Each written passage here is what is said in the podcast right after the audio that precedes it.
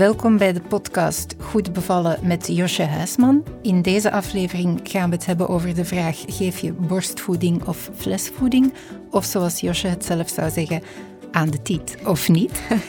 Bij aan tafel zit vroedvrouw Nathalie Baes, die ook lactatiekundige is. Dames, welkom. Hallo. Misschien een heel basic vraag om mee te starten, Nathalie. Wat is eigenlijk het verschil tussen flesvoeding en borstvoeding? Ik ga het proberen kort te houden, want er zijn heel veel grote verschillen. Eerst en vooral is het Um, in, in, een flesvoeding kan ook moedermelk zitten, voor alle duidelijkheid. Ik denk dat het gewoon het verschil tussen borstvoeding en kunstvoeding is dat je bedoelt. Um, borstvoeding is gemaakt voor een mens, een kind. Um, ik denk dat dat al een eerste grote verschil is, terwijl dat heel veel kunstvoedingen eigenlijk uh, afkomstig is van, van koemelk, runderen of geitenmelk, wat natuurlijk gemaakt is voor kleine kalfjes en voor kleine geitjes en niet zozeer voor mensen.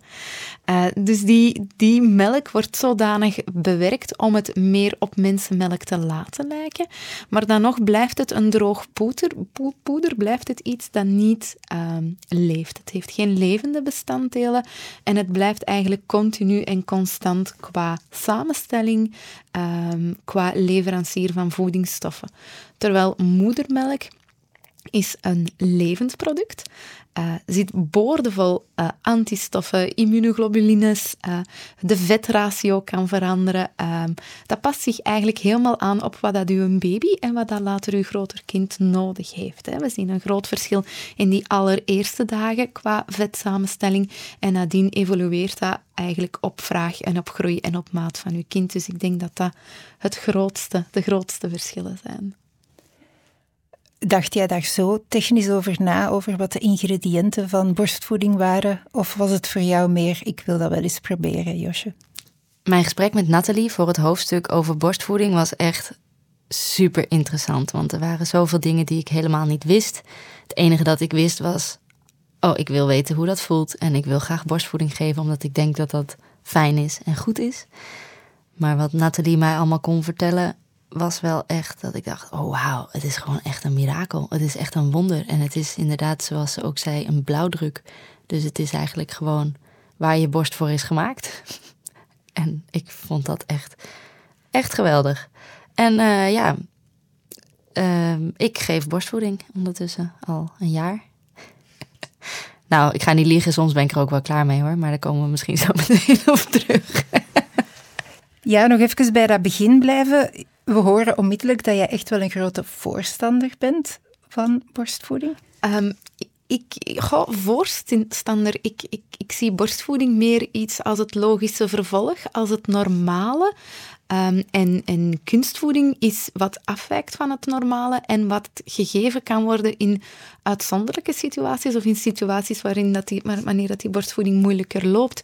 Ik zie kunstvoeding zeker als een waardig alternatief, maar het is niet mijn keuze nummer één. Uh, met al hetgeen dat ik weet over borstvoeding, um, zou dat ook maar gek zijn. Uh, maar daarom is het niet zo dat ik, dat ik mensen of vrouwen niet wil helpen wanneer dat de borstvoeding niet lukt of moeilijker gaat of wanneer dat zij kiezen voor kunstvoeding om eender welke reden dan ook, ben ik ook daar om, om, om te gaan helpen en te gaan luisteren. Maar ik denk, eh, dat gaat ook helemaal niet over mom-shaming of weet ik wat, als je kiest voor de fles. Ik denk, ook hier weer ga geïnformeerd kiezen en roeien met de riemen dat je hebt en, en de, de dingen die je tegenkomt op je pad, daarmee aan de slag gaan. Ik, dat, dat zie ik eigenlijk meer. Uh... Maar dat had ik ook. Kijk, in die zin, ik was al van plan om, om borstvoeding te geven of dit of dat. Het is niet dat Nathalie mij ergens van moest overtuigen of dat het Nathalie's doel is om je ergens van te overtuigen. Maar het was gewoon de informatie en de kennis en de ervaring die zij heeft, dat het gewoon heel erg eye-opening was en heel erg zo van het is wat het is. Dus ze zegt niet van wat is goed of wat is hm. fout, maar wat is, zegt ze. En dat is super boeiend. En dat ik denk dat veel vrouwen die informatie nog wel meer zouden kunnen gebruiken. Of toch ook de voorbereidingen. Omdat heel veel vrouwen zeggen van ja, ik ga het proberen en ik zie wel. Terwijl um, ze zich op de bevalling veel langer en veel meer voorbereiden. Terwijl dat binnen de 24 uur, als het een beetje mee zit, gedaan is. En borstvoeding kan veel langer duren. Ook iets wat Nathalie mij verteld heeft. En dat is gewoon een manier van naar dingen kijken, wat gewoon heel erg verhelderend is. We hebben inderdaad een hele aflevering van deze podcast gedaan over voorbereiden op de bevalling. Um, als het gaat over voorbereiden op borstvoeding, wat zijn dan de beste dingen dat een aanstaande mama kan doen? Um, er zijn over heel het land uh, workshops te vinden ook over borstvoeding. Um, ik denk u gewoon gaan inlezen over de fysiologie en daar gaat het meer... Borstvoeding is meer dan alleen dat voedend aspect. Um, zoals ik ook tegen Josje vertelde, het gaat meer om de blauwprint van uw baby, waarvoor dan een baby geprogrammeerd is, wat dan een baby ook nodig heeft. Is die nabijheid? Is dat dichtbij zijn? En ja, tof dat die ook ondertussen moedermelk krijgen en daar het fantastisch op doen en daar groeien. Dus ik denk naar voorbereiding is het gewoon heel goed gaan inlezen wat dan net die baby's nodig hebben en hoe dat jij er als mama voor kan zorgen dat die borsten uiteindelijk melk gaan produceren. Ik denk dat dat het belangrijkste is. Ja. Er wordt altijd gezegd, borstvoeding is heel natuurlijk. En daarom is het voor een aantal vrouwen ook zo'n teleurstelling als dan blijkt na de bevalling dat het toch niet allemaal zo natuurlijk op gang komt. Wat zijn veel voorkomende beginnersprobleempjes of drempels? Um, ik zie in de praktijk heel veel vrouwen in het, in het prille begin met pijn bij het voeden, met kloven, met uh, melkproductie die niet op gang kan komen. Um, maar ik ben ervan overtuigd dat, dat 99 procent van de borstvoedingsproblemen ook opgelost kan worden met goede begeleiding. Um, niet alleen van een lactatiekundige of van een goede vroedvrouw, maar ook van begeleiding door je omgeving. Uh, ik zie ook dat die borstvoedingen beter slagen wanneer dat een vrouw een partner heeft die achter haar staat, wanneer dat er andere dingen haar uit handen worden genomen, waardoor dat zij zich alleen maar kan focussen op het voeden van dat babytje en dat babytje op zich. Mm -hmm. ik denk ook dat het belangrijk is om te weten dat die eerste momenten met de baby best wel heel cruciaal zijn om ook die borstvoeding te laten slagen. Dat is ook iets wat ik eigenlijk niet wist. Als je niet vanaf het begin um, veel bij je baby bent, of stel nou dat je bent geopereerd en je baby moest meteen bij je weg, dat zijn best wel cruciale momenten. En het is volgens mij wel zo, en Nathalie kan beter zeggen of het wel of niet zo is, dat als je de eerste twee dagen geen energie steekt in het borstvoeden, dat het dan wel moeilijker is om het op gang te krijgen, toch? Inderdaad, dat is ook zo. En wij zijn nog altijd heel hormonale wezens, hè? heel vatbaar voor hormonen en schommelingen. En wanneer je gescheiden bent van je baby, ook al is dat maar een armlengte verwijderd, om het zo te zeggen. Er zijn vrouwen die daar heel gevoelig op reageren en waardoor dat het, het lichaam in een soort van, van rouw kan gaan. Uh, dat de, je lichaam denkt dat er iets mis is met de baby, waardoor dat je een negatieve invloed van die hormonen krijgt. Waardoor dat die melkproductie dan weer niet op gang komt. Je, je lichaam, heel je hormoonhuishouding heeft die een baby net nodig om je lichaam ervan te overtuigen van hé, hey, je bent bevallen en baby doet het goed, baby is gezond. En daar heb je natuurlijk, als je gescheiden wordt door je baby, je hebt dat niet altijd in de hand, heb je daar wel uh, iets of van een achterstand in. Ja, en over dat pijn bij het voeden. Ik was ook echt wel vastberaden van oké, als ik het gevoel heb dat het niet lukt, of als ik het gevoel heb dat ik zit te klungelen, ga ik meteen hulp vragen. Terwijl ik ben echt wel iemand die altijd zegt, ik zal het zelf wel doen en ik zoek het wel uit. Ik vraag ook nooit ergens de weg. Ik loop altijd verloren, weet je. Ik vraag nooit iets. Maar in dit geval dacht ik echt, als het ik wil zo graag dat het slaagt. Dat als ik het gevoel heb van dit gaat niet goed, help me alsjeblieft. En ik heb dat in het begin best wel vaak gevraagd. Van, ja, maar hoe krijg ik nou die tepel erin? Waarom doet hij niet zo en zo? Heb ik hem zo goed vast? In het begin is een baby zo minuscuul en zo kwetsbaar. Denk, je denkt dat je hem breekt en je weet gewoon niet zoveel. En dus heb ik best wel snel uh, hulp gevraagd. En dat heeft er denk ik ook wel toe bijgedragen dat het, dat het snel op gang kwam en dat het geslaagd is. Natuurlijk is het bij elk moeder-kindpaar anders, maar toch is er een bepaalde inloopperiode die iedereen door moet. Kan je zeggen van na de derde dag wordt het voor de meeste vrouwen wel gemakkelijker? Ik zeg altijd tijdens de cursussen dat de eerste vier weken heel hard werken zijn en dat het meestal nadien iets vlotter gaat gaan. Um, maar er zijn ook studies om, uh, rond gebeurd hoor, uh, om, om te kijken, is het nu zo dat borstvoeding meer vermoeiend is en dat die ouders minder slapen? En, en daar komt uit dat het eigenlijk voor iedereen die eerste vier weken even zwaar is. Ehm, en dat mama's die borstvoeding geven eigenlijk na vier weken het ouderschap als minder zwaar juist gaan aangeven. En ik denk dat dat gewoon is als je, als je kunstvoeding geeft, als je flesjes geeft, je gaat veel sneller je baby uit handen geven. Ehm, en als, als borstvoedende mama ja, is het vooral, komt vooral op u terecht, waardoor dat je uw baby heel goed leert kennen. Je leert uh, alle trekjes, alle kleine kantjes, je, je, je weet wat elk huiltje betekent en daar zijn die eerste vier weken voor. Dus het is vier weken enorm veel gaan investeren om nadien gewoon veel vlotter door dat ouderschap te kunnen gaan.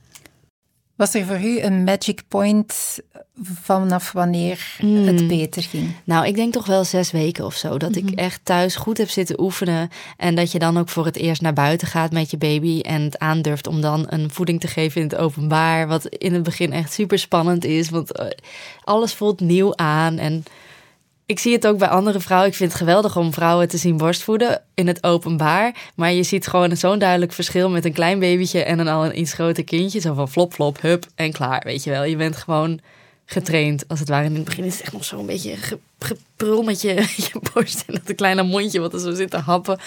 Um, het is wel grappig om te zien, maar het is in het begin wel inderdaad wat vermoeiender.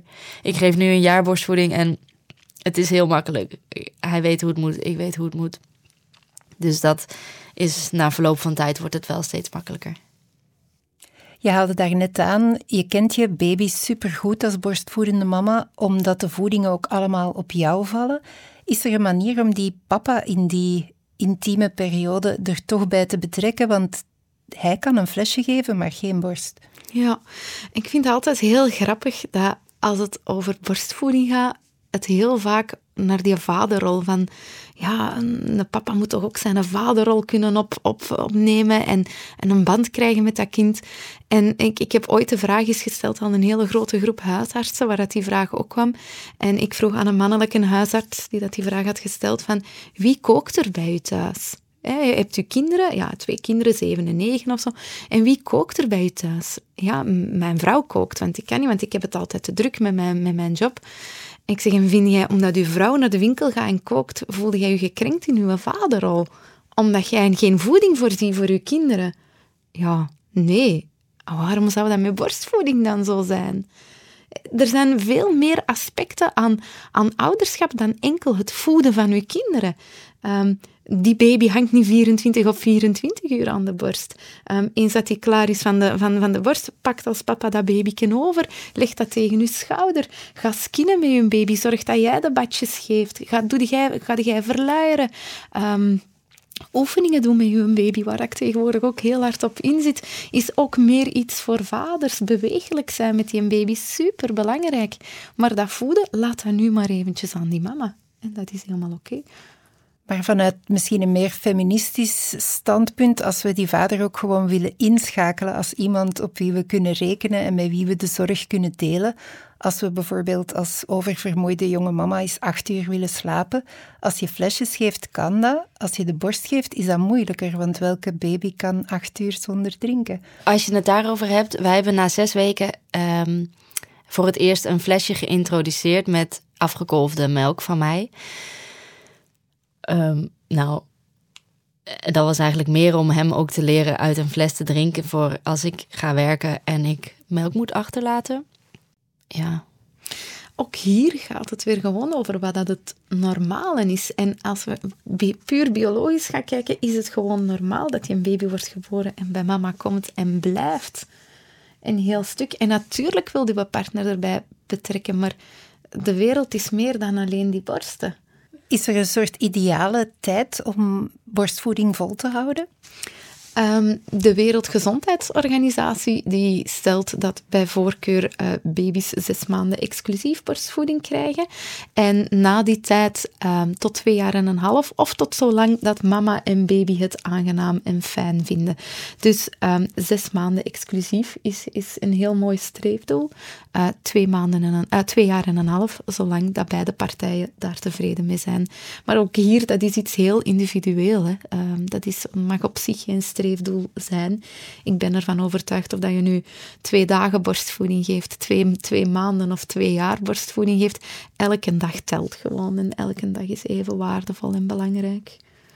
Had jij een bepaald doel voor ogen toen Kamari geboren werd? Van ik wil minstens zo lang borstvoeding geven? Hmm. Nou, ik dacht wel misschien een jaar of zo. En nu denk ik, oh, misschien twee jaar of zo. Maar het, het wisselt heel erg bij mij. Omdat ik het ook. Aan de ene kant vind ik het heel makkelijk en heel fijn. Maar er zijn ook heel veel momenten dat ik er een beetje klaar mee ben. Of dat ik denk, ach, ik heb er nu geen zin in. Of oh, op het moment zelf krijg je een soort enorm uh, energie-inkakkerdip, zeg maar. Dat je echt heel moe bent.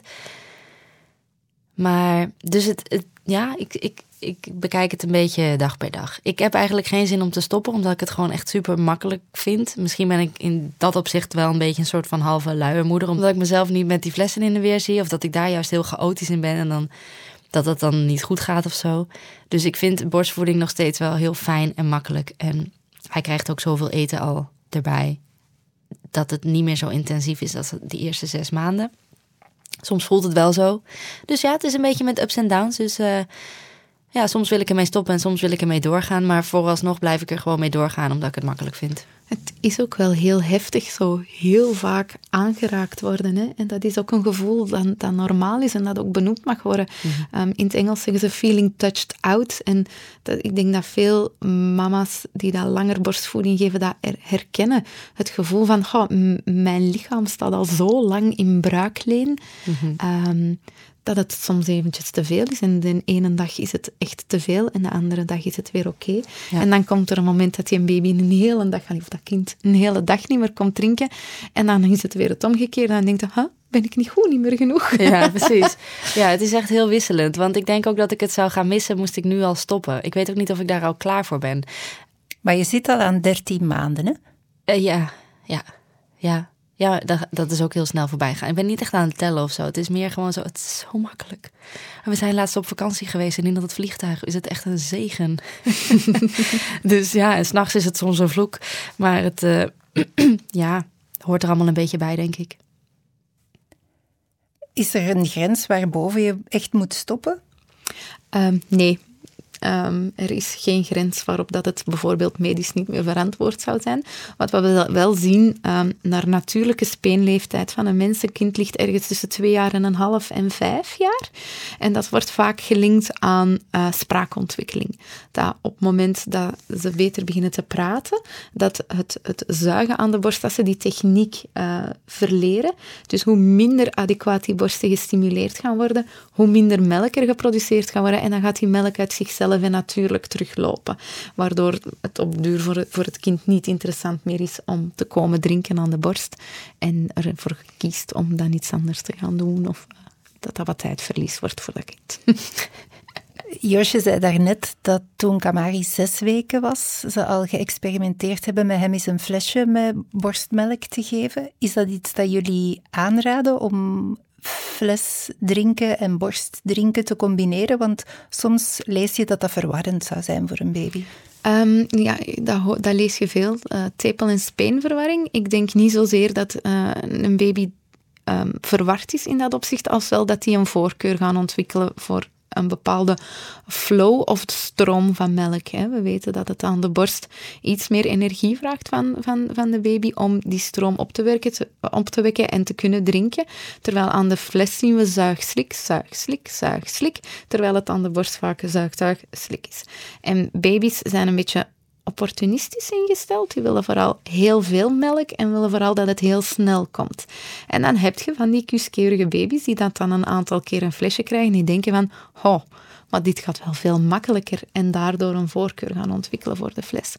Um, nu, het is niet iets dat ik aanraad, maar wel iets waar dat we gaan over informeren. Dus ik leg dat ook uit aan ouders als zij een flesje willen gaan introduceren van geef dat flesje traag. Mhm. Zorg dat je het kleinste gaatje gebruikt qua speentje.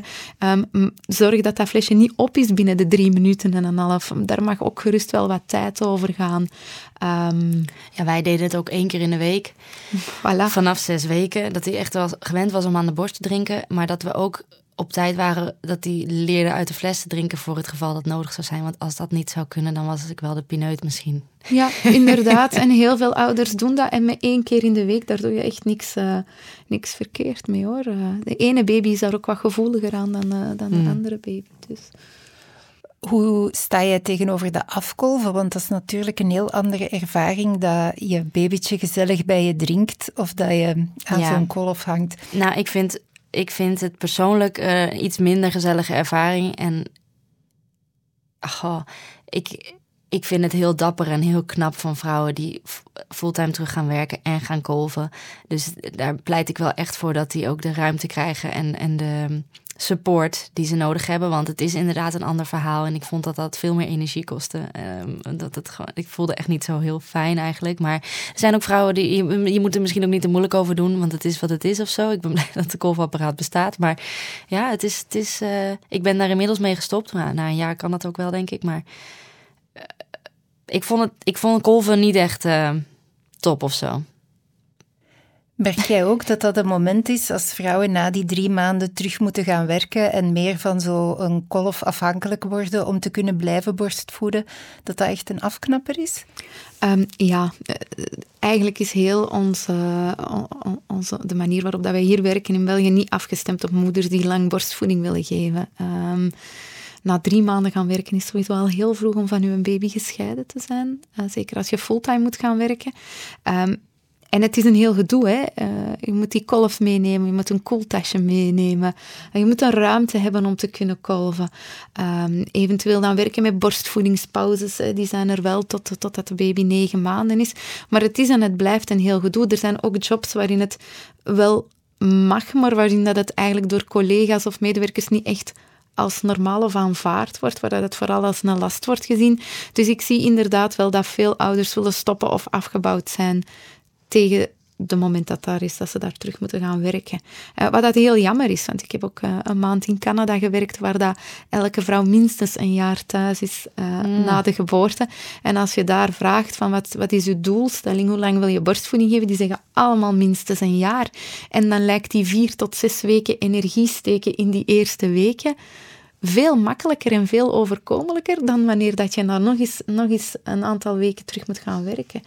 Ehm, dus ik zie dat inderdaad wel heel vaak. dat is ook de reden waarom dat wij niet zo'n heel goede borstvoedingscijfers hebben hier in België, denk ik. Dus daar is nog een beetje werk voor de politiek. Ja, oproep, oproep om, eh, om eindelijk wat meer eh, ouderschapsrust te gaan voorzien. Ja. Nog één belangrijk thema, denk ik, eh, binnen deze aflevering. Ga je voeden op de klok of op verzoek? Ik denk dat voor veel mensen in hun hoofd een beetje samenvalt dat je flesjes op de klok geeft en de borst op verzoek. Is dat een correcte gelijkstelling? Ehm, dat is iets wat gezegd wordt, maar waar ik ehm, absoluut niet kan achterstaan. Zelfs wanneer dat je kunstvoeding geeft, vind ik het heel belangrijk om op vraag te gaan voeden. Ehm, er zijn heel veel studies gebeurd en die zeggen dat het, dat het feit dat we veel meer obesitas, zijn, eh, op, obesitas zien eh, bij kinderen die kunstvoeding krijgen, eh, net is omdat er eigenlijk altijd op hetzelfde moment wordt gevoed en altijd dezelfde hoeveelheden. Terwijl borstvoeding, eh, je ziet niet hoeveel dat die baby drinkt. Dus eh, baby's worden eigenlijk al vanaf dat ze geboren zijn geleerd om te gaan luisteren naar hun eigen hongergevoel en naar hun eigen maagcapaciteit te gaan luisteren. Terwijl wanneer dan je een flesje geeft en op de verpakking staat dat die baby 180 moet gaan drinken en die drinkt maar 150, dan ga je die 30 milliliter er nog in forceren omdat je denkt dat het zo hoort. Terwijl aan de borst zie je niet of dat die 30 of 20 minder gedronken heeft. Daar is het gewoon echt de intake wat dat die baby op dat moment nodig Ja, heeft. Alleen dat al lijkt me gewoon zo stresserend dat ik borstvoeding wel liever opteer. Het lijkt me echt moeilijk om zo af te meten van die hoeveelheden en ook moeilijker in te schatten wanneer hij nou honger heeft of zo. Terwijl, of dat het gewoon aandacht is dat, het, dat hij wil. Ik leg, hem gewoon altijd, ik leg hem gewoon altijd aan de borst en dan was het altijd goed of hij nou honger had of niet. Lazy Moms United. Ja, ben echt, eigenlijk wel een lijmamers, ja. Eerst, eerst die tepel erin en dan delen we met de rest. Maar jullie zeggen lazy, maar op verzoek voeden kan toch ook enorm vermoeiend zijn? Ja, ik vind een huilende baby veel vermoeiender dan een borst geven. Nathalie, je maakt een hartjesgebaar, dat kunnen de luisteraars niet zien. Eh, maar wat wil je daar nog aan toevoegen? Ja, ik, ik heb dat zelf ook altijd zo ervaren. Ehm, zoals Josje het omschrijft. Ik denk dat daarom ook is dat zo goed klikt tussen ons. Ehm, maar ik, ik zie in de praktijk zie ik ook helemaal andere mama's. Het hangt ook echt af van je karakter. Ik heb heel veel mama's die die, dat die juist die regelmaat voor zichzelf nodig hebben en die, die, dat die hoeveelheden, die afgemeten hoeveelheden, dat geeft hun een soort van rust en, en hou vast. Um, en dat is ook oké, daar, daar moeten we ook mee werken en dat is ook oké om, om dat te zien. Maar ik zeg dan altijd tegen die mama's, eh, een kindje krijgen is eigenlijk een eerste stap in leren loslaten, want je krijgt plots een kwetsbare plek uit uzelf. En iets, dan, dat gaat niet meer alleen om u. Um, en voor sommige mama's is het, is het gewoon fijner en beter. Ik denk dat een, een, een gelukkige mama nog altijd steeds primeert, uh, ongeacht. Mooie afsluiter weer al van deze aflevering. Wie de informatie graag nog eens naleest, kan dat doen in het boek Goed bevallen van Josje Huisman, uitgegeven bij Van Halenwijk, een onderdeel van Pelkmans Uitgevers.